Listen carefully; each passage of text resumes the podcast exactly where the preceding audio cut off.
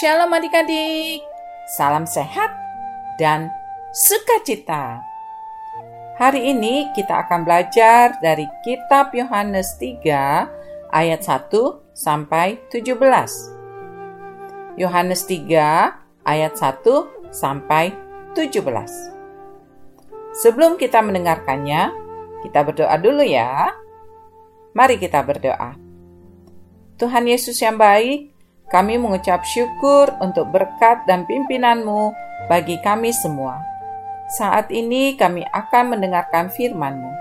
Kiranya roh kudusmu menerangi hati dan pikiran kami agar kami dapat mengerti. Dalam nama Tuhan Yesus kami berdoa. Amin. Yohanes 3 ayat 1 sampai 17. Pada waktu itu tampillah Yohanes Pembaptis di padang gurun Yudea dan memberitakan, Bertobatlah, sebab kerajaan sorga sudah dekat. Sesungguhnya dialah yang dimaksudkan Nabi Yesaya ketika ia berkata, Ada suara orang yang berseru-seru di padang gurun, Persiapkanlah jalan untuk Tuhan, luruskanlah jalan baginya. Yohanes memakai jubah bulu unta dan ikat pinggang kulit, dan makanannya belalang dan madu hutan. Maka datanglah kepadanya penduduk dari Yerusalem, dari seluruh Yudea, dan dari seluruh daerah sekitar Yordan.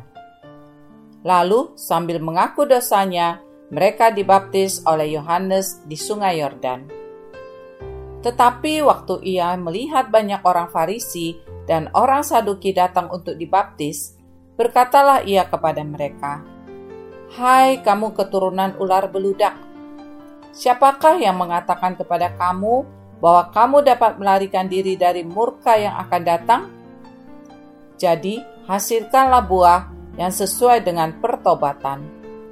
Dan janganlah mengira bahwa kamu dapat berkata dalam hatimu, Abraham adalah bapa kami karena aku berkata kepadamu, Allah dapat menjadikan anak-anak bagi Abraham dari batu-batu ini. Kapak sudah tersedia pada akar pohon, dan setiap pohon yang tidak menghasilkan buah yang baik pasti ditebang dan dibuang ke dalam api. Aku membaptis kamu dengan air sebagai tanda pertobatan, tetapi yang ia yang datang kemudian daripadaku lebih berkuasa daripadaku, dan aku tidak layak melepaskan kasutnya. Ia akan membaptiskan kamu dengan roh kudus dan dengan api. Alat penampi sudah di tangannya. Ia akan membersihkan tempat pengirikannya dan mengumpulkan gandumnya ke dalam lumbung.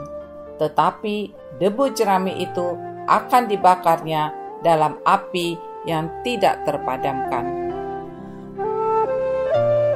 Maka datanglah Yesus dari Galilea ke Yordan kepada Yohanes untuk dibaptis olehnya. Tetapi Yohanes mencegah dia, katanya, Akulah yang perlu dibaptis olehmu, dan engkau yang datang kepadaku? Lalu Yesus menjawab, katanya kepadanya, Biarlah hal itu terjadi, karena demikianlah sepatutnya kita menggenapkan seluruh kehendak Allah. Dan Yohanes pun menurutinya. Sesudah dibaptis, Yesus segera keluar dari air, dan pada waktu itu juga langit terbuka, dan ia melihat Roh Allah seperti burung merpati turun ke atasnya.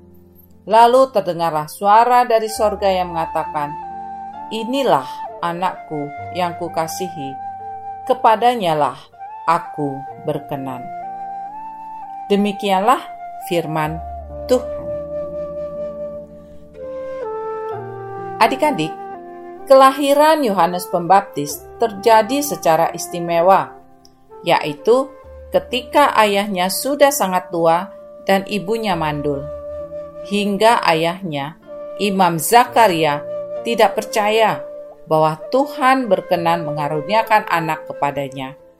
Untuk itu, Imam Zakaria dihukum menjadi bisu sampai anaknya lahir kelahiran dan kehadiran Yohanes Pembaptis di dunia juga bertujuan sangat istimewa yakni mengajak orang bertobat, berpaling dari dosa-dosanya, dan kembali kepada Allah.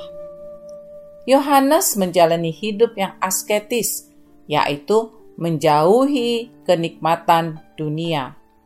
Ia hidup di padang mengenakan pakaian dari kulit binatang, dan makanannya adalah belalang dan madu hutan saja.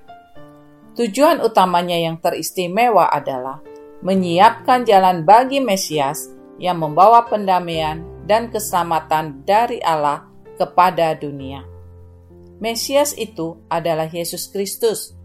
Kelahiran Yohanes dan Yesus hanya berselisih sekitar enam bulan saja. Yohanes sangat menyadari tugas dan perannya. Meskipun ia yang membaptis Yesus, namun Yohanes merendahkan hatinya di hadapan Yesus. Ia juga tahu Yesus adalah kerabat mudanya sendiri. Namun, karena Yohanes sadar bahwa dia sekedar pembuka jalan bagi Sang Mesias, maka ia berkomitmen bahwa Sang Mesias harus makin besar, tetapi ia sendiri harus makin kecil. Yesus menyebut Yohanes sebagai yang terbesar dari antara umat manusia.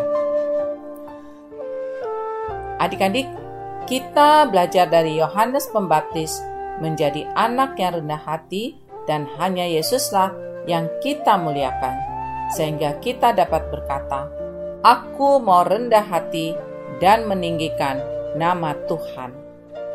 Kita ulangi sekali lagi. Aku mau rendah hati dan meninggikan nama Tuhan. Mari adik-adik, kita berdoa. Bapa di surga, ingatkan kami untuk senantiasa meninggikan nama Tuhan yang memang layak dipuji dan disembah. Ajar kami untuk selalu rendah hati agar kami tidak mencuri kemuliaan Tuhan. Terima kasih Tuhan, dalam nama Tuhan Yesus. Amin. Sampai berjumpa lagi adik-adik. Tuhan Yesus memberkati.